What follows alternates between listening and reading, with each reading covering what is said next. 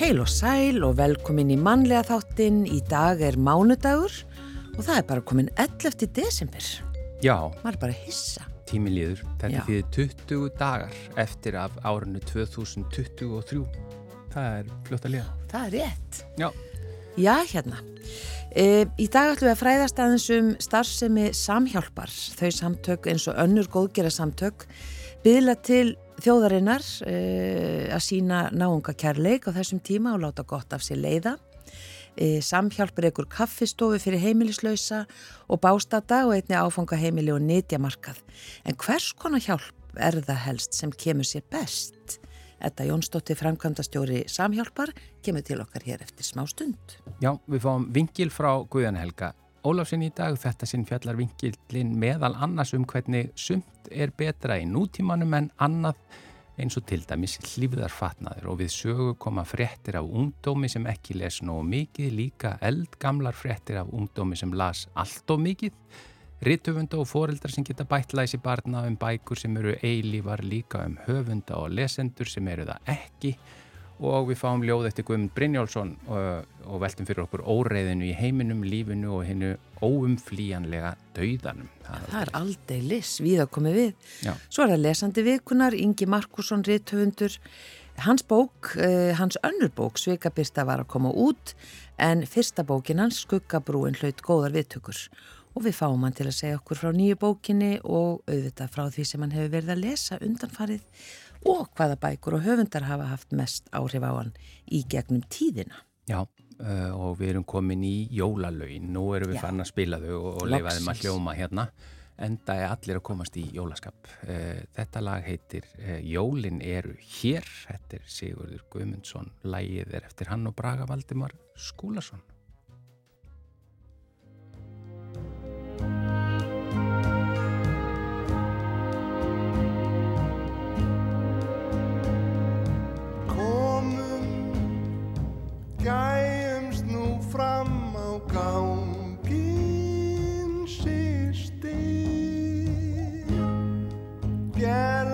Það Því þar er allt sem okkur listir. Við höfum beðið kyrlátt Verið stilt og hljóð. Við höfum beðið svo skelving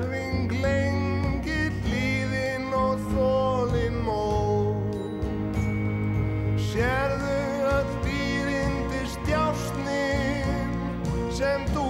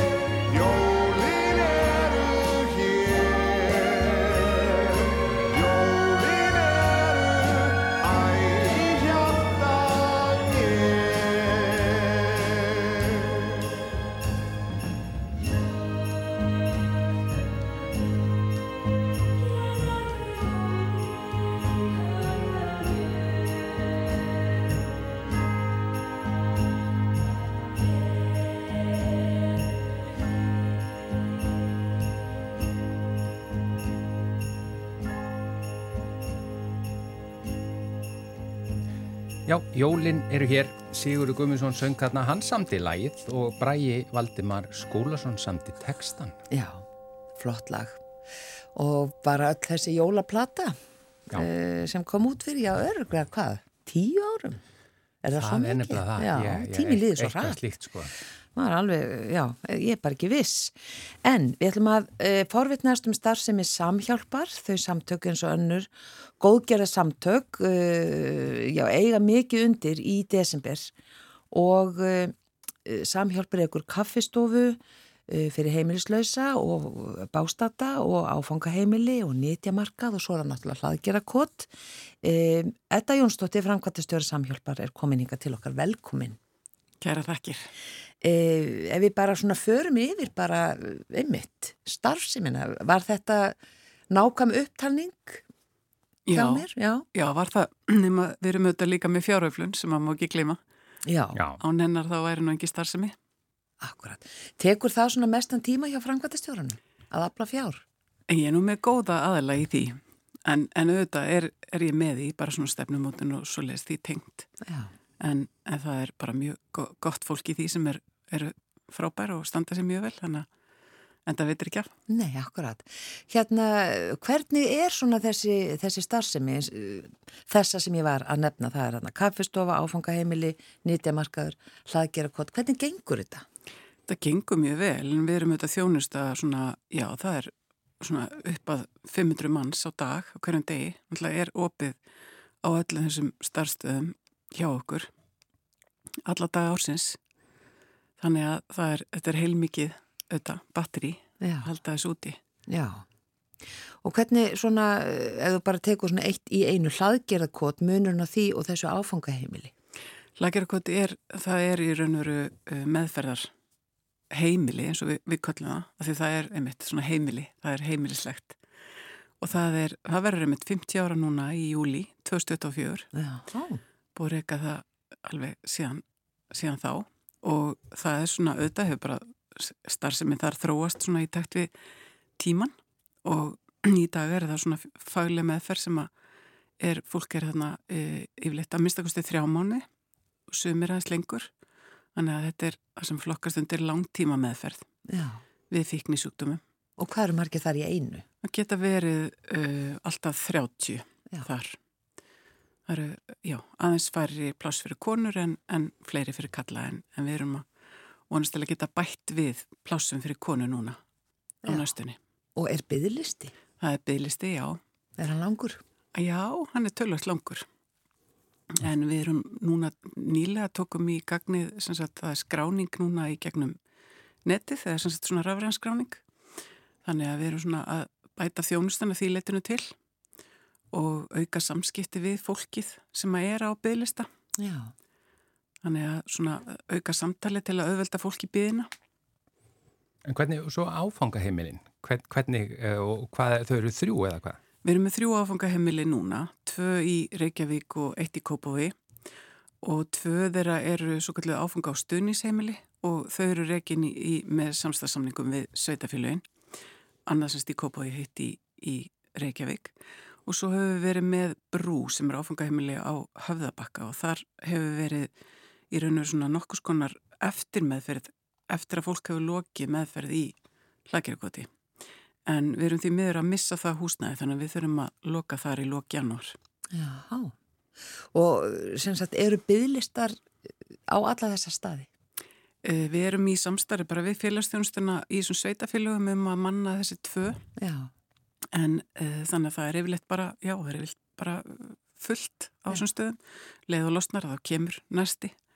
Þannig að það má alveg segja það en, en svona þetta er, já, bara svona dýnamist samfélag en fólk býr alveg alltaf tveimur árum á áfangaheimilum. Já, svona langu tími. Já, Eða getur verið það? já. Akkurat. Eh, kaffistofan ykkar, eh, var það rétt sem ég heyrði í fréttum einhver staðar að, að, hérna, að hugsanlega værið að fara að flytja? Já, við erum að vona það. Við erum búin að vera að leita að nýju húsnæði fyrir kaffestofana í daldinn tíma og það er svona ímislegt verið í, í bíkerð í kringum það og okkur vantar auðvitað bara starra húsnæði og svona henda betur. Við erum auðvitað, hópurinn sem sækir kaffestofana hefur stækka tölvert og hann hefur stækkað svona núna síðastlega eitt og hálft ár sérstaklega. Nú, af hverju? Uh, Það er nú ábyggilega ymsa skýringar á því. Einn ein sem að ég myndi telja að væri líkleg er að það eru auðvitað bara fleiri fólk sem býr á höfuborgarsæðinu og hópurinn sem að hérna, býr hérna er auðvitað líka bara, uh, bæði náttúrulega ástækkandi og, og hefur kannski mörguleiti breyst. Og við erum til dæmis uh, tökum til dæmis að móti uh, umsækjendum um alþjóðlega vendar hluta til. Og svo er þetta bara einmitt fleira fólk sem er ný, nýlega komið með réttastöðu flotta fólk sem leitar þá er við leitt bara tímabundið samt til okkar. Þannig að þetta er svona ákveðin kæði og svo er þetta þessi hópur sem að er svona þessi upprennilegu hópur sem að kaffestofan þjónustæði sem eru þetta fólk sem er án heimilis og svo er svona, já, svona alltaf einhver, einhver hópur þar fyrir utan sem að kemur. Það er opið alla daga ársins? Alla daga ársins frá 10-2 og svo erum við með núna svona framlengda opnun núna fyrir sérstaklega þá sem eru án heimilis núna frá 2 til halv 5 í desember, janúar, februar svona yfir þessa köldustu mánu og það er gert í samstarfi við Reykjavíkuborg.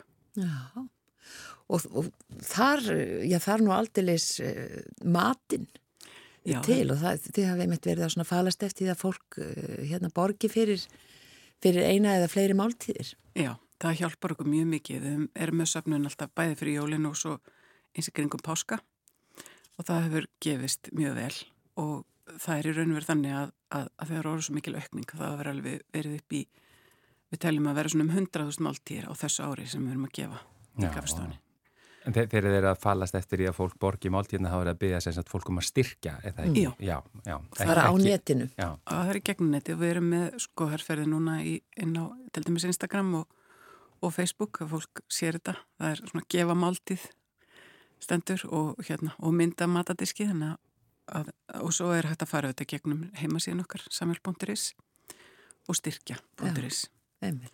En það er enda hægt að koma með mat til ykkar, eða ekki? Jú, það er hægt og í raun og veru sko uh, eru mörg fyrirtæki og stopnarnir sem að gefa okkur mat á kaffestofana. Bæði ráefni og svo fáum við líka oft afganga til dæmis á, mötunetum og svo leis og þannig að það er líka svona einhver hans fjölbreytnina. Já, einmitt.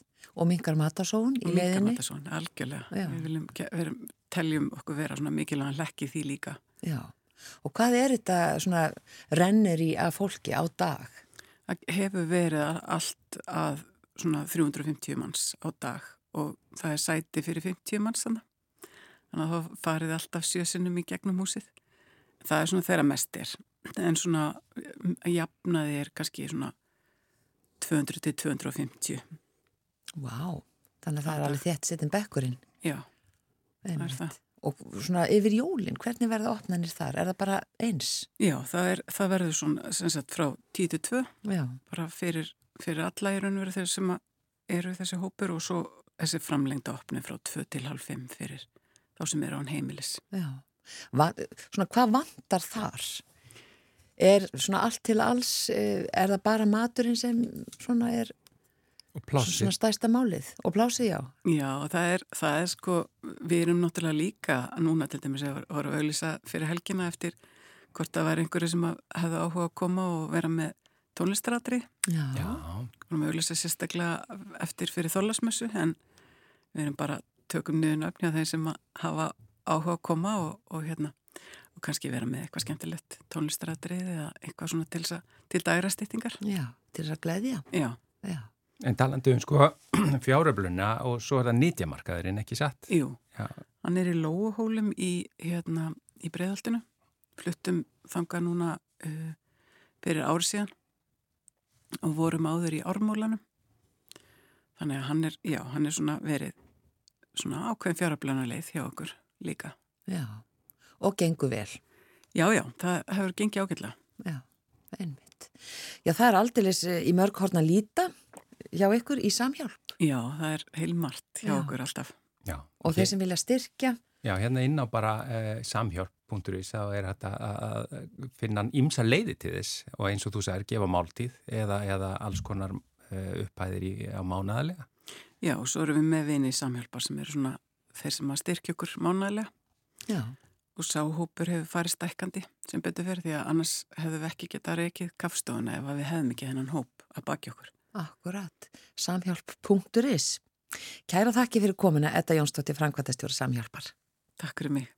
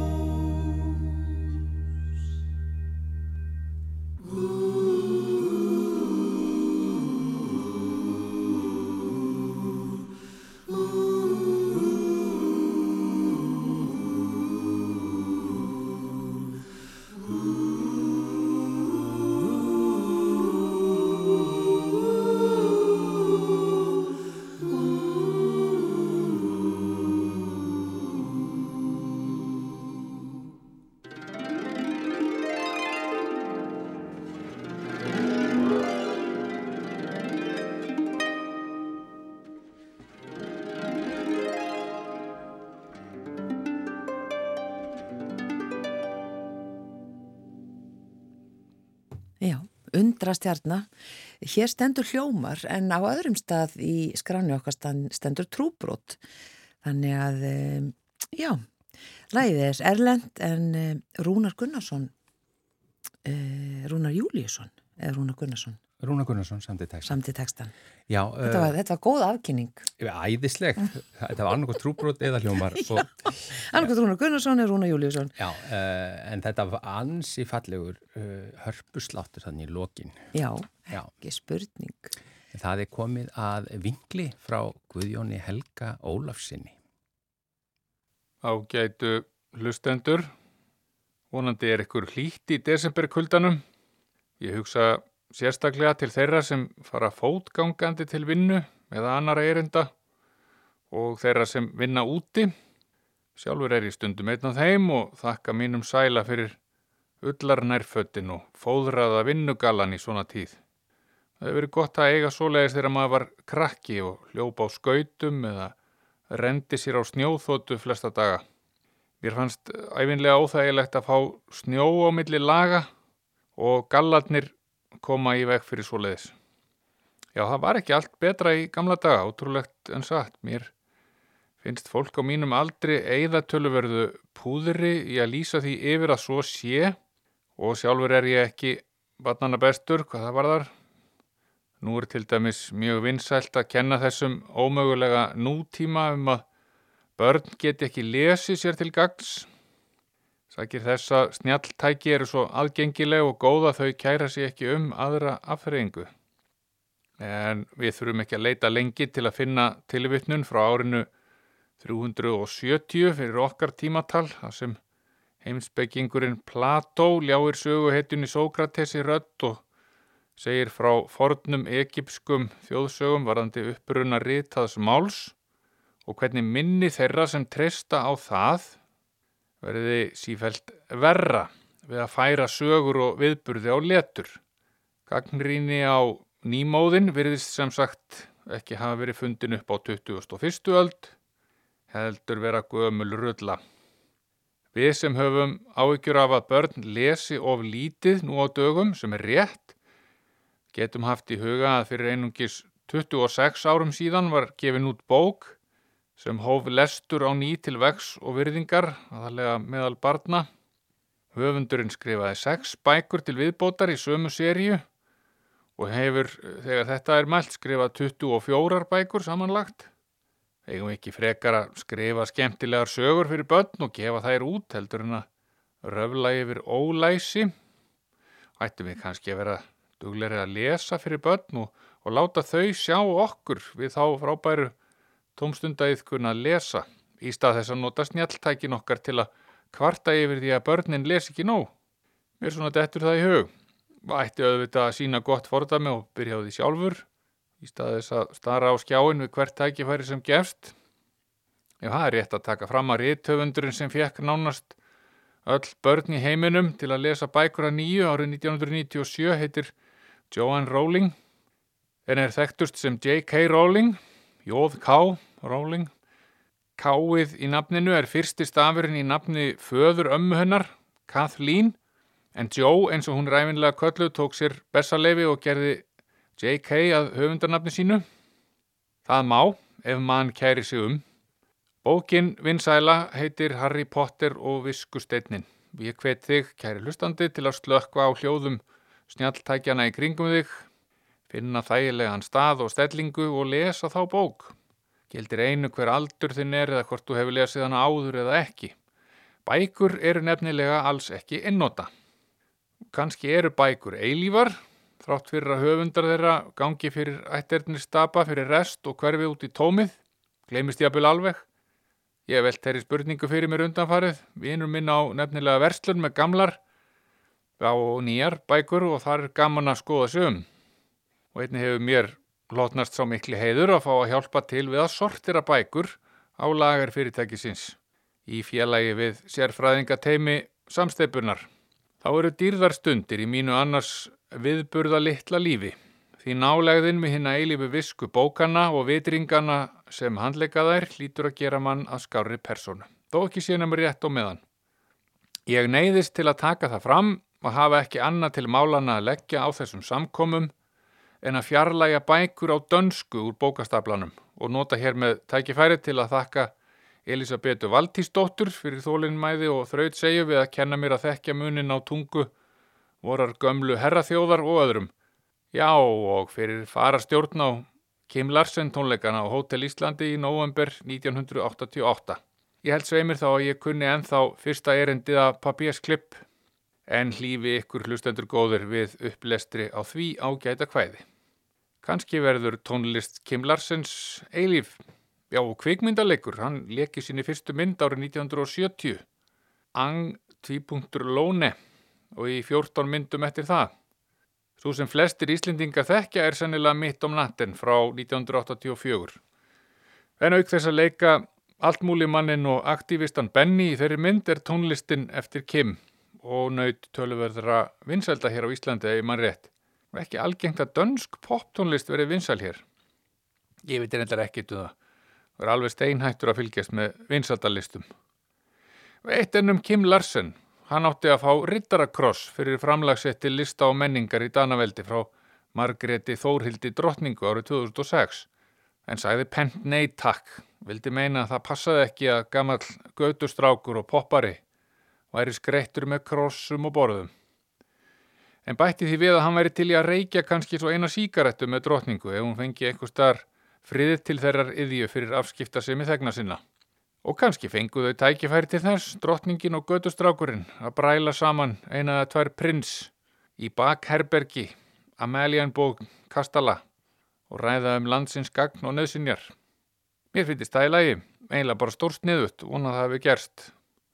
Það er gott þegar að anstæðar fylkingar mætast á miðri leiði í, heiðarlegu spjalli. Ég mæli samt með að sleppa þessu síkarettu vesenni, það er allir hætti því. En kannski fengu þau aldrei að spjalla og óreiðu heimsins þannig viðhaldið. Talandi um óreiðu heimsins, þá er ég með nýjútgefna bók sem heitir Hrópað úr tímaþvóttavélinni á náttborðið mínu. Svo inni heldur ljóð eftir Guðmund Brynjólfsson, okkar góða og, og marg verðlaunaða skáld. Á blaðsíðu 25 og finna eftirfarandi ljóð og tilvittnun hefst. Óreiða heimsins er svo fullkominn að það er ógjörningur að trúa því að hún sé tilviljunin einn. Skipulagsleysið er fagurt í sjálfu sér. Tvístruð veröldin ægifögur. Leðréttandi skinnjun okkar fullkomnast í atlótum við ringulreiðina. Svo er það annað veifið. Ég vil allt of oft að mannskeppnan tekur sér til og fyrir að skipuleggja og eitthvað vísindarlega og í bland við eitthvað sem í árdaga fór að lúta hugtökum eins og smekkvísi, formskinni og jafnvel sans. En það var setna og var bundi við tungumál kvenna sem unnu í gjafavöruverslunum í miðbænum upp úr setna stríði.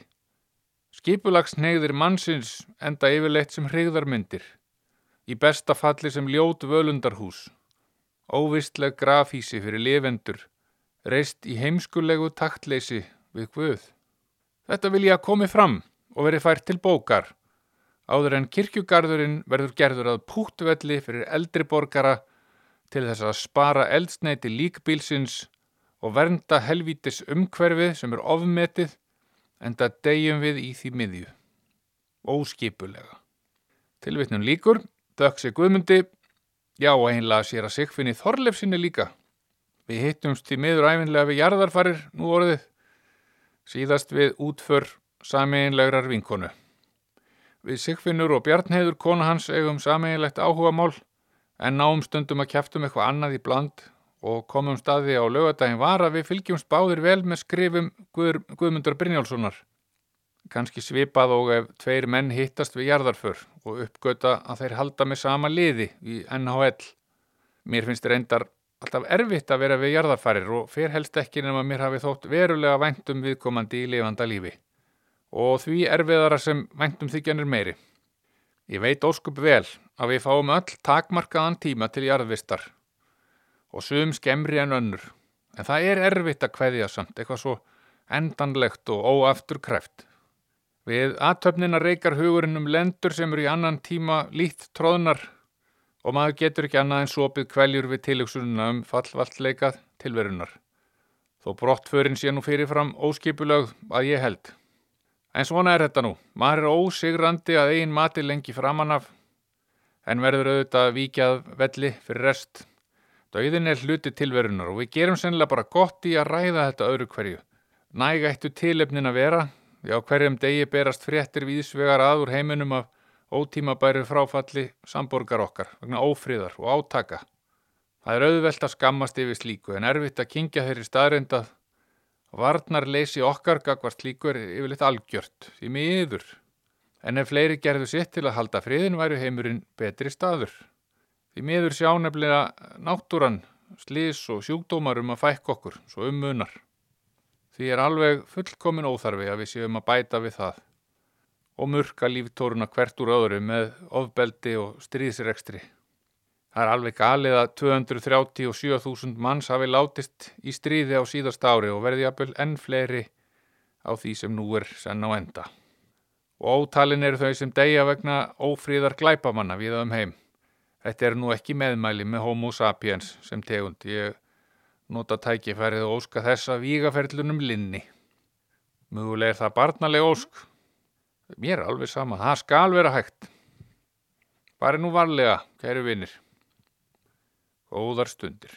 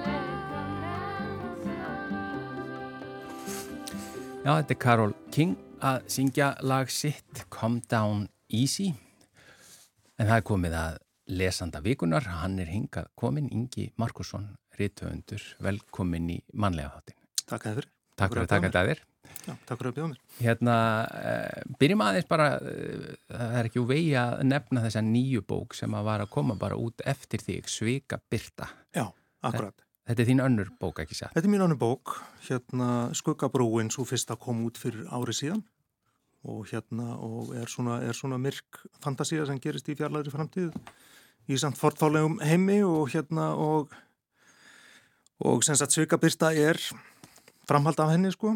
Það hérna í Skuggabrún er, er, er það er myrkur allan tíman, það er einn stjarn á heimni og, og sagan fyrir gangur og verið þegar þessi eina stjarn hverfur sem er svona heimsendir sko því að, hérna, því að svona lífólsins þarna á heimskautunum það það er bara búið á heimskautunum á jörðinu á þessum tíma sko að hérna, snýst um þessa stjörnu þannig að þetta er svona heimsendir og aðalpersonunar í skuggabrúni sem sagt Dimbra og Neikar Þeimir sem eru svona úlingskrakkar uh, þeim er svona kent um þetta og þau reykjast á, á flóta og hún gengur svolítið út á að rannsaka þennan heim sko. Mm. og þetta er á jörðinni sem sagt, þetta er á jörðinni framtíð eða hvað? Þe- Þetta er bara svona í fjarlæri framtíð, hérna mannkinnið er, er, er, hefur dáið út og það hefur bara þróast nýtt. Létt og skemmtileg humorísk bók, Þetta er bara létt og skemmtileg, skemmtileg allt létt og skemmtilegt og framtíða sín.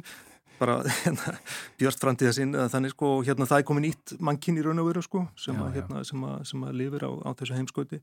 Og fyrsta bókin er semst að rannsaka þennan heim svolítið mikið, hún er svolítið kannski svona goðafræðilega eða kosmíska eða hvað maður á að segja og hérna Sveikabyrsta er má segja útgemdundi vilja kalla þetta sjálfstætt framhald sko? Og Já. hérna og Og hún er það svona hluta til sko? Og Er- er hérna, það- hún er svona að vinna úr afleðingum svona þess sem að gerðist í, Í fyrstu bókinni. í fyrstu bókinni, það er, eru sem sagt, það eru framinn morð á heimskautinu, þetta hefst örfáum árum, árum setna, það er hérna nýja aðalpersona sem heitir Agni sem, að, sem að er, er svona pörupiltur í neðanjarðaborg sem að kemur fyrir í skuggabrúni og hérna og það er allt líka svona létt og skemmtilegt þarna, hann er dæmdur til dauða og hérna Já, og, já, já. og, og, og rekst á flotta og hérna og hann raun og veru á flottanum kynnist hann hérna, kynnist hann Mómari sem, a, sem a er, er, er kvár svona, svona gammal, svona seið kvár og, og Hán og Agni eru sem sagt í ferðalagi yfir heimskautið.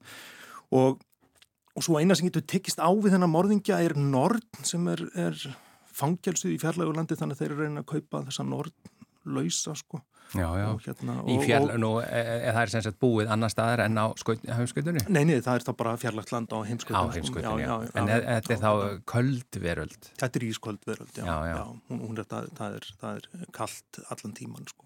Já, við skulum Og vona að hérna, sért ekki alveg sannspár í þessu. Já, en, en sem sólinn kemur upp, þess vegna heitir, heitir bókin Svikabyrsta, sko. En, en, en, en sólaljósið er Svikabyrsta, sko.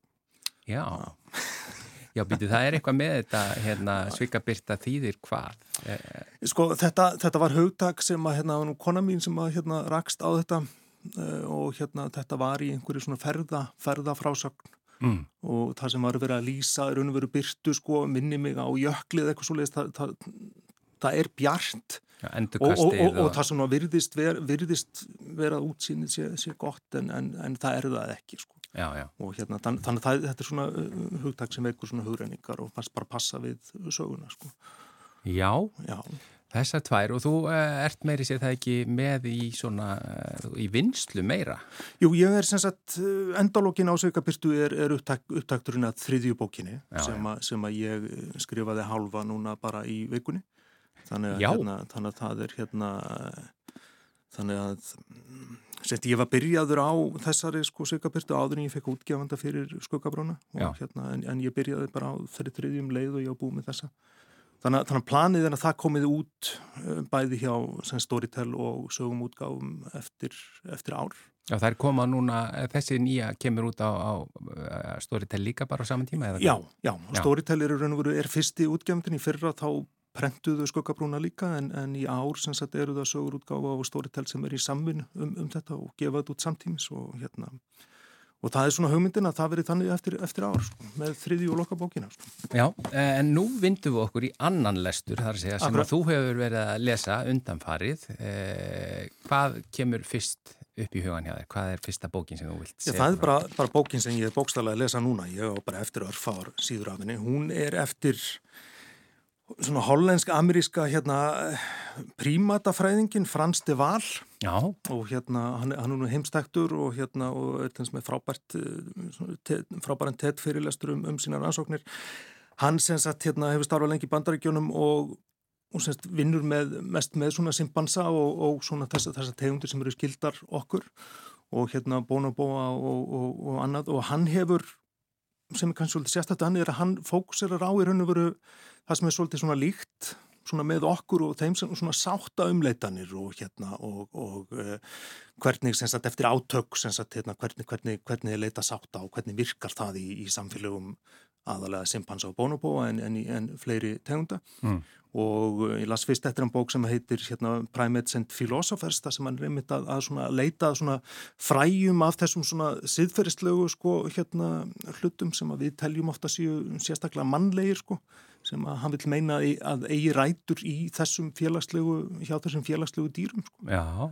og hérna og ég rakst á bók eftir hann í bókabúði í Kaupmannöf sem að heitir different, what apes can teach us about gender, sem sagt öðruvísi, hvað, hvað apar geta kent, kent okkur um, um, um kyn og, og kynjafræði og ég hefndi verið að velta þess mikið fyrir mér því að þú veist til dæmis eins og til að nefna annan frægan lífræðing Richard Dawkins, þá hefur hann farið alveg öfugum meginn fram úr sko þegar kemur á svona transmálefnum og, og annað og, og, og bara mér fannst bara fórvindslegt að sjá hvað Fransti Val bara að segja um þetta sko.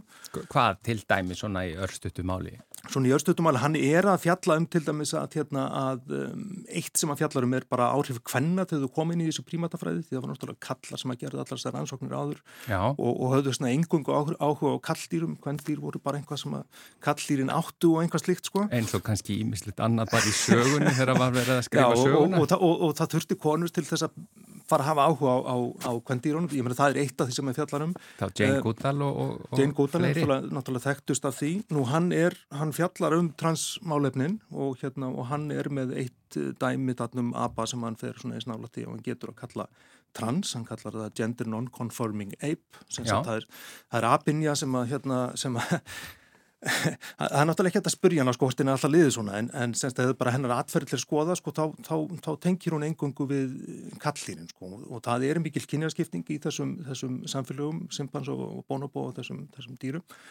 Uh, en hún hefur alltaf haft auga á köllunum og þeir eru þú veist með, sín, hérna, með sínar síningar og vekja á sér aðtekli og hlaupa og, og garga og svolítið þá, þá gerur hún eins sko. Þá er hún með bara. Já, og þetta er eitthvað sem kvendurinn ger ekki og þeim finnst hún alveg skrítin en, en þeir bara umber hana sko Já. og, hérna, og kellingunum finnst hún skrítin líka sko en, en hún er samt alveg bara partur af samfélaginu, henn er ekkit útskúfað fyrir þetta sko.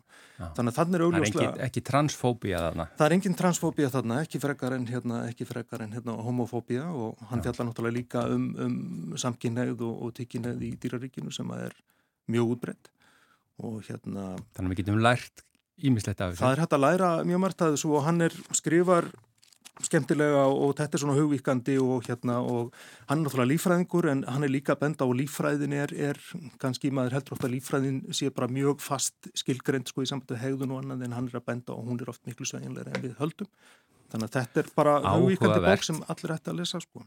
Herri, svo var hann Níl Geimann sem að var nú bara hér á, á landi fyrir skömmu. Hann var hér á, hérna, á Æsland Noir og hérna og, og ég var nú svona heppin að hitta hann og hérna og setti hérna mynd af okkur saman á heimasíðunum mínu sem ég Sko. ætla bara aldrei að taka niður. Já, já.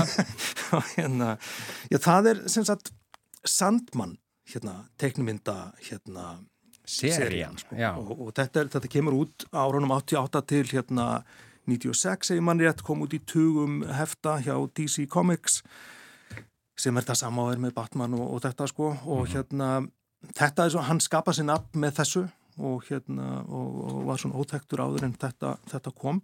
Og þarna eru all hans helstu engin þetta fjallar um í raun og veru hérna um, um svona persónugerðar erkitýpur eins og hann vinnur mikið með eins og, eins og hann gerir í bókum eins og American Gods og, og annað.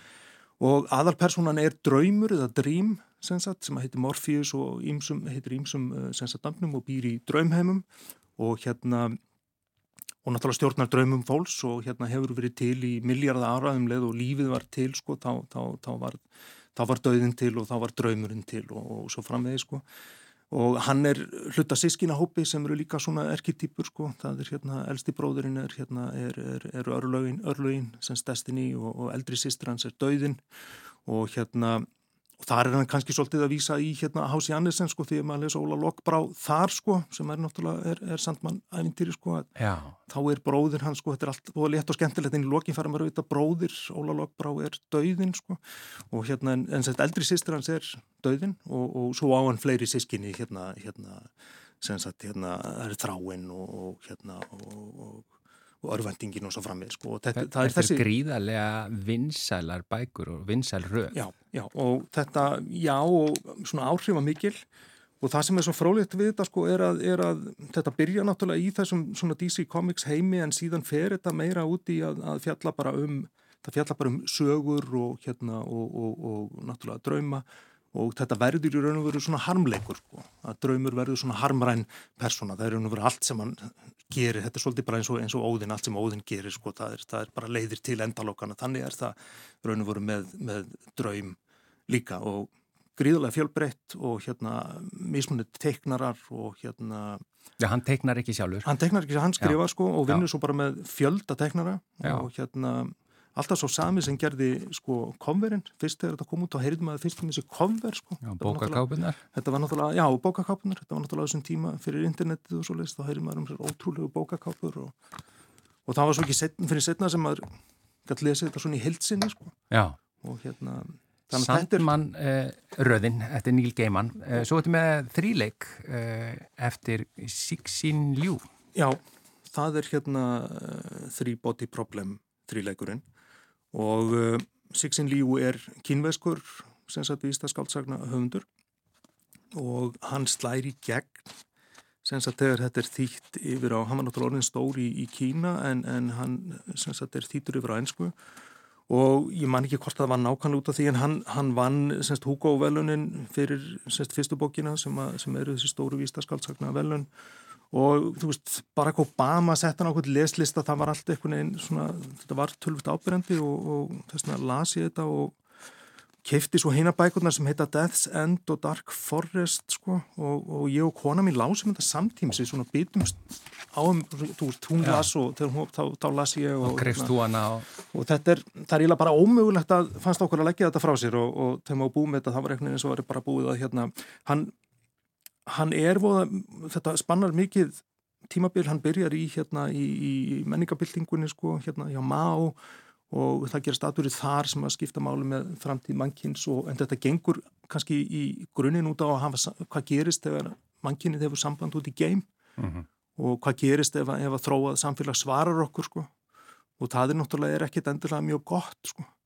Og hérna Maður velti því fyrir sér ma því fyrir sér og hann er mikið að vinna með svona, hugmyndir sem að eru, eru í sagt eins og, og skamtakenningun og alls konar hluti í leikjafræðum og annað slíkt sem hann samt nýtir svona í skáldsskapnu, hugsa bara með sér hversu langt er hægt að taka þessa hugmynd svona í skáldsögu og hann bara gerir það. Og, og þegar maður er búið með fyrstu bókina þá sem maður með sér bara þetta var það brjálaðasta sem ég lesi bara hvernig er hægt að halda áfram með þetta? Og þetta verður bara alltaf brjálaðara og brjálaðara þá í lokin sko fannst mér eins og það verður bara búið að taka heilanum með saman og, og púslunum einhvern veginn og ég bara heyrði í gegnum augun og En á áhugaverðan á, á áhugaverðan hátt og Já. hérna, já, já, maður er bara betri manneski á eftir, sko. Já, heyrðu, ég ætla bara að draga þið aðeins aftur í tíma núna. Ef, þú, ef, ef, ef, ef við erum búin að vera svolítið í framtíðinni núna og, og, og mis uh, jákvæðar í framtíðinni kannski, eða, eða bjartari. Uh, en uh, ef þú fer bara mátt fara eins langt aftur og vilt, þú bara ræður því, bara hvaða svona höfundar eða bækur uh, svona virkilega hafa fyllt þér, hafa haft mest áhrif á þig. Sko, hérna, það er náttúrulega búða mikið þetta sama og ég held að margir hafa nefnt eins og, eins og náttúrulega bara Astrid Lindgren og, og þetta, en, en sem sagt, sko, þegar við eignumst börn, sko, við þrjú börn og hérna, þá endur nýðið við kynnin við Tófi Jansson og Múminálfana, þannig að við ólum krakkan okkar voru mikið upp á Múminálfanum og, og, og, og, lá- og bara las það fyrir þau öll og sumar þeirra oftar en einu sinni og hérna, og hérna, og þegar hún lesa þetta allt saman að þá, þú veist, þá var ekki búið að endur útgefa eigin og smúmipappa og það þurfti að grafa hana upp úr kjallaranum í bókasafni Hafnafjörða sko, því að hún hefði ekki endur útgefin síðan 70 og eitthvað og við komumst líka að því af hverju að því það er bók, hún er stór og hún fjallar um tunglindi og tilgangsleysi lífsins þó hún sé líka barnabók. Og hérna, og hérna þannig að, að Tófi Jansson kemur upp í hugan sko, og hérna Nú síðan á þessum tíma hérna Momo eftir Mikael Ende sem er líka bók sem ég las fyrir dóttur okkar að minnstakosti og hann er alltaf þekktast fyrir söguna endalusu en Momo er að mínu, mínu hans meistaraverk og frábærlega þýtt af hérna, af, hérna Jórun Sigurðardóttur.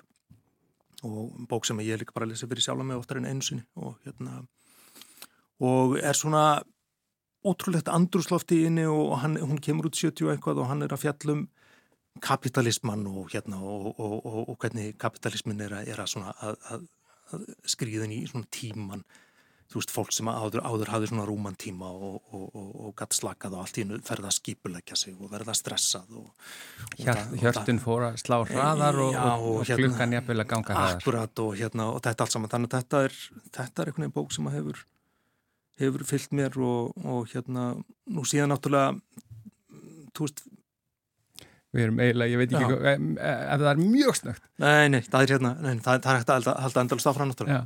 Þetta er bara ágætt, sko. Já, já, afsaka þetta. En þetta er bara líka, já, en lengist listin minn yfir bækur sem að mér langar að lesa. Ég þakka þér kærlega, Ingi Markusson, fyrir að vera lesandi vikunar í þetta sinn. Takk fyrir mig. Þættinum er bara lokið í dag. Við þökkum innilega fyrir samfélginu og verðum hér aftur sama tíma á morgun. Verið sæl.